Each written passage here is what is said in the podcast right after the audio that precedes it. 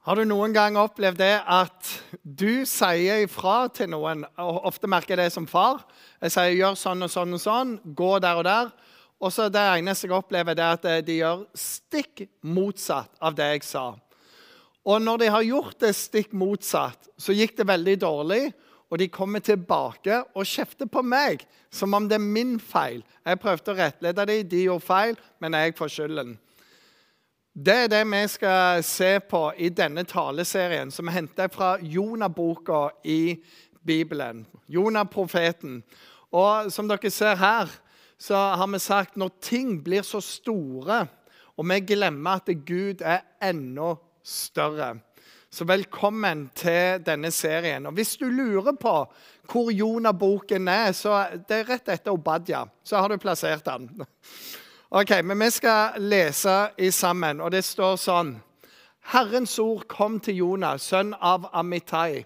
Stå opp, gå til storbyen Ninive og rop ut over byen at ondskapen deres har steget opp for mitt ansikt. Da sto Jonah opp for å flykte til Tarsis, bort fra Herren. Han dro ned til Jaffa og fant et skip som skulle til Tarsis.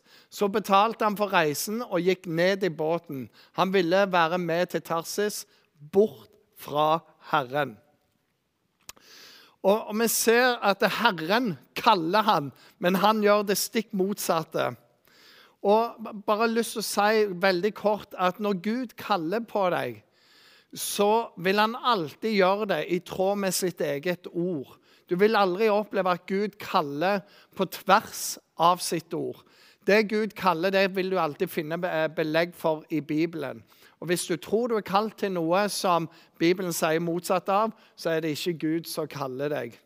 Men det er ganske mye Gud kan kalle oss til. Og Han sier vi skal elske våre fiender. Det er et stort kall. Vi skal velsigne de som forbanner oss. Når noen tvinger oss til å gå et stykke med dem, så sier jeg gå dobbelt så langt med dem.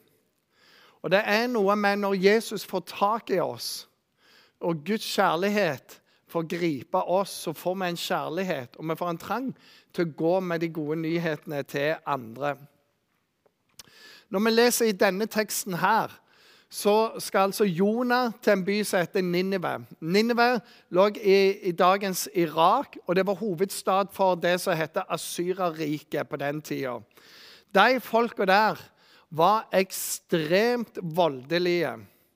Om du har sett noe fra nazistene sin herjing, så, så, er det mange som sier at dette var bare mye, mye verre. Det står faktisk i Bibelen at de brant over 1000 mennesker levende en plass. De skar folk opp, og det står i historiebøkene at de kunne gå inn, ta en by, hogge de av på knærne og hogge ene armen av. Og mens de dør, må de holde de i hånda bare si 'du vant over meg'. De var helt ekstreme i sin ondskap. Og Jonah han hata de, og han unna de ingenting godt. Og han frykta nok for de òg. Skal jeg gå til deg, det mektigste folket, de mest barbariske av alle gjennom alle tider? Aldri i livet, om jeg vil det. Og Det som er interessant, da, det er at eh, Ninive det var 80 mil øst. Det var å gå innenlands. Han satte seg et skip for å reise 400 mil andre veien. Altså bare 'Jeg vil ikke dette, Gud'. Så hvorfor denne flukten? Først fordi han hata de så intenst. De hadde gjort mye vondt mot hans folk, og han hadde all grunn til å hate dem. En pastor som heter Yong Isho, leder verdens største menighet i Korea forteller at han, når han var en ung pastor, ble invitert til Japan for å ha seminar for pastorer der. Yong Isho han nekta og sa jeg vil ikke gjøre det.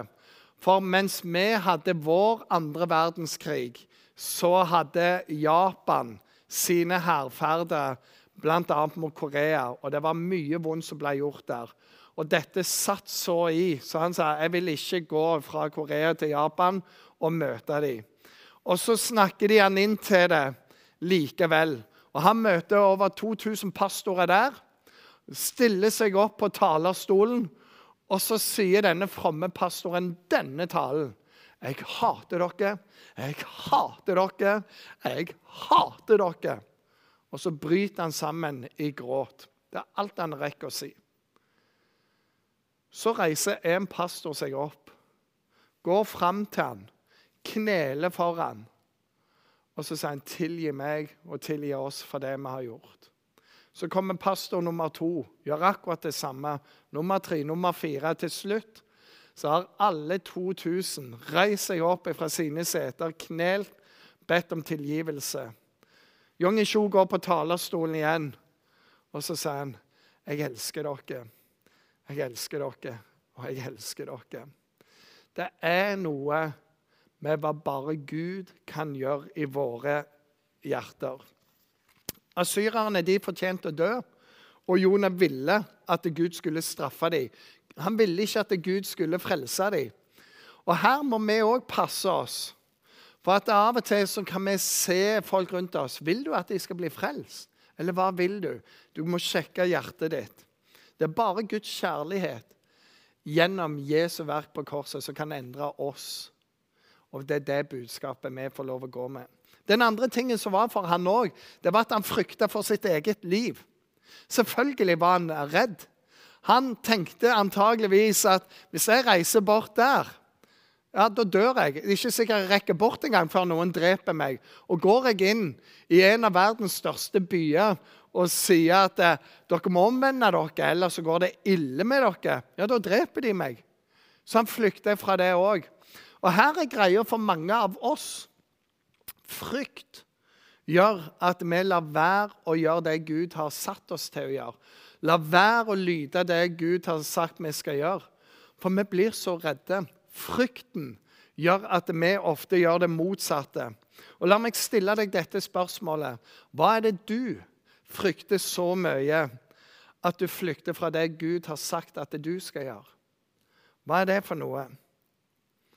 Du har et ønske om å leve i Guds plan med livet ditt, men det er bare denne muren foran deg som gjør at du, du klarer det ikke, for frykten er for stor. Å vite hva du er kalt til, men å gjøre noe annet, vil alltid bringe deg en uro. Og du får ikke fred, for du vet hva du egentlig er kalt til. Så hva er det du frykter så mye? Det kan være en dårlig eh, relasjon i nabolaget. Det var to som hadde det. Det var helt elendig, denne relasjonen. Og etter år så bestemmer den ene nå må jeg gjøre noe med det. Jeg har kjent det lenge, men fant ikke veien. Og det hun gjorde, da, det var rett og slett bake ei kake, ringe på til naboen. Og disse hadde krangla så mye. Og så bare levere det. Og når hun kommer der, så ser hun andre kaka, ser opp, og så griner de begge to så kommer det en relasjon tilbake der. Hun overvant frykten. En pastor som jeg kjenner, han forteller han var ute og tok fly. Og så, og så beveger han seg i flyet. Og mens han går der, så kommer en annen mann òg. Og så ser han bare det står skrevet utroskap i hele pannen på han. Og han bare sa «Eh, 'Jeg sier aldri det, Gud'. Eh, hva skal jeg gjøre? Han kjenner denne frykten. Tenk om jeg bare dikter nå, tenk om jeg hallusinerer eller hva som helst, og sier at du er utro, og så stemmer det ikke, eller han blir sint på meg. Så han ba Gud gi meg en annen åpningsreplikk enn dette. Og så dukker det opp et navn igjen. Og så står han og snakker med han alene, så sier han unnskyld, sier navnet Anna deg noe? Og da brekker han andre sammen. Han bare jeg er nødt til å snakke med deg. Og så kommer hele historien. Og så begynner det en vandring i legedom der. Men frykten gjør at vi ikke våger. Og det som var med Jonah, han blir sendt til sine fiender. Og det kan være at når Gud sender deg, så sender han deg til folk som du ikke liker. Tenk i USA, da, hvis du er kristen og Gud sender deg til den politiske motsatte fløyen, hvordan ville det vært? Eller folk som du bare ikke liker, folk som du syns fortjener straff. For du vet, når du går med Guds budskap, så er ikke det straff, men det er til frelse, til legedom, til utfrielse. Vil du gå med det? Og la meg stille dette spørsmålet. Hva er ditt Ninive? Hva er det det som du flykter fra nå? Vi skal gå videre i teksten, og vi skal lese ganske mye. Det står Men Herren kastet en mektig vind nedover havet, og stormen ble så sterk at skipet holdt på å bli knust. Sjøfolkene ble redde, og hver mann ropte til sin gud. Lasten som var om bord, kasta de på havet for å lette skipet. Men Jonah hadde gått ned under dekk og lagt seg og var falt i dyp søvn. Kapteinen kom bort til han og sa, 'Hva er det med deg? Sover du? Stå opp og rop på guden din.' 'Kanskje guden vil huske på oss som ikke går under.' Mennene sa til hverandre, 'La oss kaste lodd, så vi kan få vite hvem som har skyld i denne ulykken som har ramma oss.' De kasta lodd, og loddet falt på Jonah. Da sa de til ham, 'Fortell oss nå hvem som er skyld i at denne ulykken har ramma oss.' Hva slags arbeid har du? Hvor kommer du fra? Hvilket land er du fra? Og hvilke folk tilhører du? Han svarte, jeg er en hebreer og frykter Herren, himmelens Gud, som har skapt havet og det tørre landet. Da ble mennene grepet av stor redsel. De sa til ham, 'Hva er det du har gjort?' For de visste at han hadde flykta bort fra Herren. Det hadde han fortalt dem. Hva skal vi gjøre med deg, sa de, så havet kan falle til ro omkring oss. For stormen på havet ble sterkere og sterkere. Han svarte, 'Løft meg opp og kast meg på havet, så vil det slutte å rase.' For jeg vet at det er min skyld at denne sterke stormen har ramma dere. Han flykter fra Guds ledelse, men å flykte fra ledelse fører deg ofte inn i lidelse. Vi skal ta noe på dette. Når du er på flukt ifra Gud Det er noen som har sagt det sånn du, du kan løpe, men du kan ikke gjemme deg. Og du kan løpe, men du kan aldri løpe ifra Gud. Han, han, er der. Men for vår del, når vi er på flukt ifra Herren sånn, så går det ikke så bra. Og, og det første er det det forårsaker dårlige eller negative konsekvenser å løpe ifra Guds eh, kall eller oppdrag til oss. Og Det første oppi der jeg lyst til å si dersom du løper fra Gud, så vil livet gå i nedoverbakke. Det er veldig interessant å lese gjennom denne teksten her, både kapittel 1 og 2. Så vil du se han gikk ned til havna, ned til båten, ned i lugaren, ned på havets dyp. Det gikk bare ned og ned og ned og ned med han. Og når det går i nedoverbakke, så vil du alltid finne et skip. Men det er ikke alltid det er Gud som sørger for det skipet. Det kan være en annen som gjør dette for deg, men det går nedover. Den andre tingen Dersom jeg løper fra Gud, så vil det koste meg. Det vil koste meg sjøl en del. Jonah han skal 80 mil i én retning, men han betaler for en billett som går 400 mil den andre veien. Altså fem ganger så mye det koster mer penger, mer tid, mer krefter, mer dager. Og det eneste han oppnår, det er å komme lenger og lenger og lenger vekk fra det livet Gud hadde foran. Det koster meg sjøl. Og når jeg løper fra Gud, så vil Gud stå imot meg. Det står i Jakobs brev at Gud står den stolte imot, men den ydmyke vinner nåde hos han. Og det, I denne teksten så leser vi at Herren sendte en storm. Og Det er litt sånn interessant. Vi tror ikke at alle stormer i livet er det Herren som sender til oss. I så fall så er Gud ekstremt glad i Jæren, for der stormer det hele tida. Men han sender noen stormer for å få vår oppmerksomhet. Og De pisker mot oss, og de kan føles truende. Men Gud sier du er på feil kurs. Du må snu deg, sånn at du kan fullføre det som jeg vil. Og Gud sender dette på den måten for å få vår oppmerksomhet. Men så er det den fjerde tingen inni dette òg. Og det er når jeg løper fra Gud, så blir andre skadelidende av det. Det er ikke bare meg. Det er noen som har sagt ja, men det er en privatsak hva jeg gjør. Så sier jeg det kan være privat, men det er ikke personlig. Hele dette mannskapet holdt på å dø pga. Jonah sin synd. Det står òg det var krig Og Akan, en mann, hadde gjemt unna noe bannlyst gods. Han sa det ikke til noen. Han tenkte det er jo helt privat. Ingen trenger å bry seg om dette. Men dagene som fulgte, så bare tapte de og tapte de i krig. Og de forsto ingenting, og de roper til Gud. Så, 'Hva er det med, med oss? Hvorfor, hvorfor, skjer det?' Så sier han, 'Det er synd'.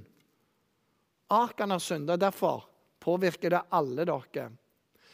Det du løper fra Gud, kan påvirke veldig mange uskyldige personer. Ektefelle, barn, barnebarn, venner, arbeidskollegaer, menigheten. Det kan påvirke så utrolig mange. Det er gjerne privat, men det er, det er ikke personlig. Det påvirker de relasjonene du står i. Det påvirker de valgene du tar. Og det påvirker det som er rundt deg. Så la meg stille deg dette spørsmålet. Hvem er det jeg skader med min synd? Hvem er skadelidende pga. det jeg vet jeg gjør, er feil, men jeg velger lite, likevel å gjøre det? Og For å bruke metaforen fra teksten hvilke stormer forårsaker jeg i andre sine liv? Jeg og min kone Katrine vi har ikke glede av å se på The Crown om kongehuset i England. Og Der sier en vår jobb er å stilne flere stormer enn de vi skaper. Stilne flere enn de vi skaper. Men hvor er det du skaper stormer pga. din flu? Det var en mann som hadde skjegg og lang, langt skjegg og bart alt sammen. En god bestefar. Og Han sov på sofaen en dag, og så bestemmer barnebarnet seg for at nå, nå skal vi tøyse litt med han. Så de gnikker noe gammelost litt oppi her. Og når han våkner etter en stund, så, så, lukter det så rart i huset. Og han begynner å lete overalt. Hvor er kilden til denne lukta? Og det leder han inn i alle rom i huset, opp og ned overalt. Han finner det ikke, helt han ser i, i et speil. Og så ser han Svaret var rett under nesen på han hele tida. Og det som stormer i livet ditt, det kan være at svaret er rett under nesen din òg. Det neste jo lenger jeg rømmer fra Gud, jo verre vil det bli. Vi ser i teksten her at de eh, Stormen blåste opp, det ble verre og verre. Og til slutt så sier Jonah det er meg, dere må kaste meg på sjøen. Og så og så vil de ikke det. De bare ror hardere. Men det står men det var helt umulig. Til slutt så må de kaste den på sjøen, for ellers så drukner alle. Det kommer til å bli verre jo lenger du står imot det. La meg stille deg spørsmålet der. Hvor mye tøffere eller røffere må det bli i ekteskapet, i jobben, i helsa di, i finansene, i karrieren, i det du står i? Før du gir Gud oppmerksomhet. For det blir verre og verre, denne stormen. Og vi er inne i en tøff tid. Et tøft år i fjor fortsetter tøft i år. Og vi vet ikke hva som ligger foran oss heller. Men hva skal du møte det med? For det kommer stormer i livet vårt. Det kommer til å komme mange av dem. Men hva skal du møte det med? Og det eneste trygge i stormen, det er å gi livet sitt helt i Guds sine hender. Sier din vilje over min, ditt kall, ditt ord inn i mitt liv. Du er sentrum, for da har du styrken til å møte det. Å rømme fra livet, å rømme fra ansvaret og rømme fra relasjoner, det har aldri hjulpet oss. Og Folk kommer gjerne til oss pastorer og spør hvordan stopper jeg stormen i livet mitt. Og vi får mange forskjellige historier. og De spør hvordan stopper jeg dette. Svaret er det samme alltid. Du må overgi deg og alt til Gud. Da stopper det. Da endrer det. Slutt å gjøre opprør mot Gud. Opprør mot Guds ord og Guds vilje. Og bøy deg for Han. Og si som Jonah, det er min skyld. Ta din del av det og slipp Gud til. Og så er jo det greia at eh, det begynner jo litt dårlig, dette her. Men det ender ganske godt. Og det skal denne talen òg gjøre. Og jeg har tre punkter. Det er tre mirakler som jeg skal få se her. Og det er når jeg gjør det Gud vil, så roer ting seg ned. Og, og det de gjør, de kaster den jo ut, og vum, så blir det blikk stille etterpå. Det er bare sånn wow. Når vi slutta å prøve å fikse dette sjøl, lot Gud få lov å, å få sin vilje, så roa ting seg ned der. Og det ble bare enormt mektig for dem å, å, å se dette. Den andre tingen er når jeg gjør det Gud vil, så vil nye komme til tro. Det som er interessant med disse eh, seilerne, det er at de oppførte seg jo mye mer kristent enn Jonah gjorde. De ba. De var på dekk. Han sov. Han brydde seg ikke. Han flyktet fra Gud. Og når de får vite at han har flyktet fra Gud, så er det sånn Hva feiler det deg? Du kan ikke flykte fra Gud. Se hva det fører til. Det var logikk for dem. Og så er det mange som har det, når de har det vanskelig, så sier de, 'Gud, hvis du får meg ut av dette, så skal jeg.' De ba ingenting sånn. De bare sa, 'Vi må gjøre Guds vilje.' Og når de så resultatet av det, da bøyde de seg for Gud. For det kom en ekte tro av dem.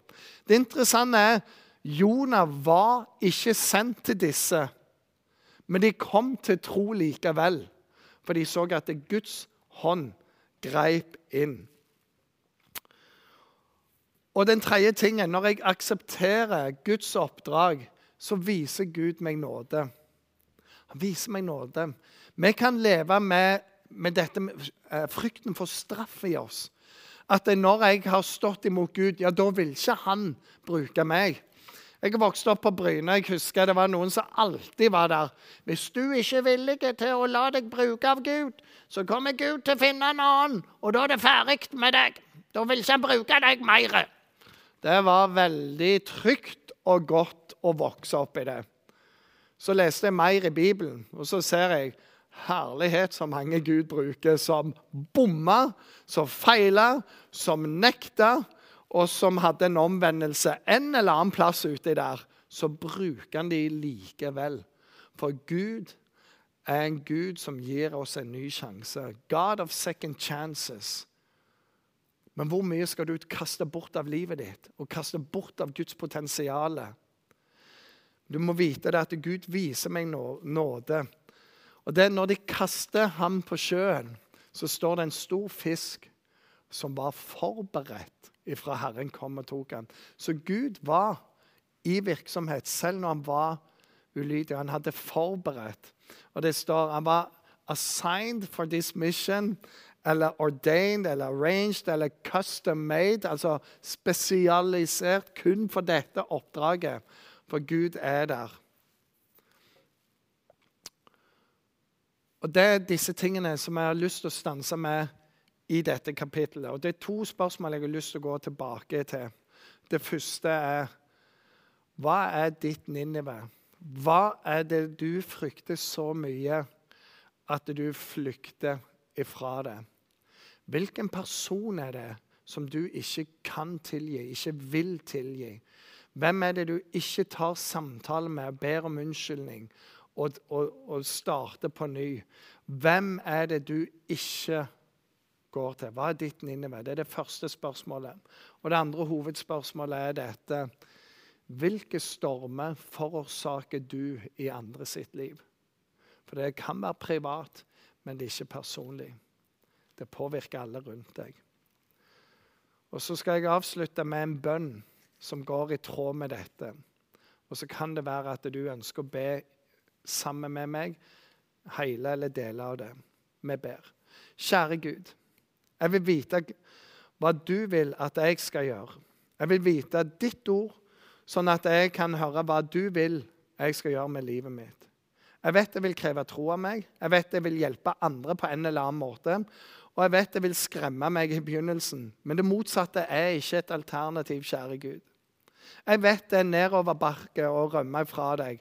Og det vil koste meg og det vil koste andre når jeg løper fra deg og ikke til deg. Og du vil komme med vinner, og jeg vet andre vil bli såra av mine valg. Og jo lenger jeg rømmer, jo flere vil bli såra.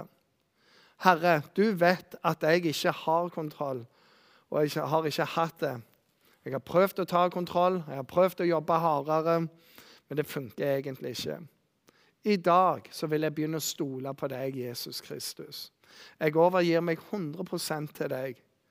Og hva jeg har igjen av livet mitt, så vil jeg leve det helt for deg. Jeg aksepterer det oppdrag du har for meg. Når som helst, hvor som helst, hvordan som helst, hva som helst. Og jeg ber deg om å vise meg nåde og din godhet. Jeg ber i all ydmykhet og med et oppriktig hjerte. I Jesu navn. Amen.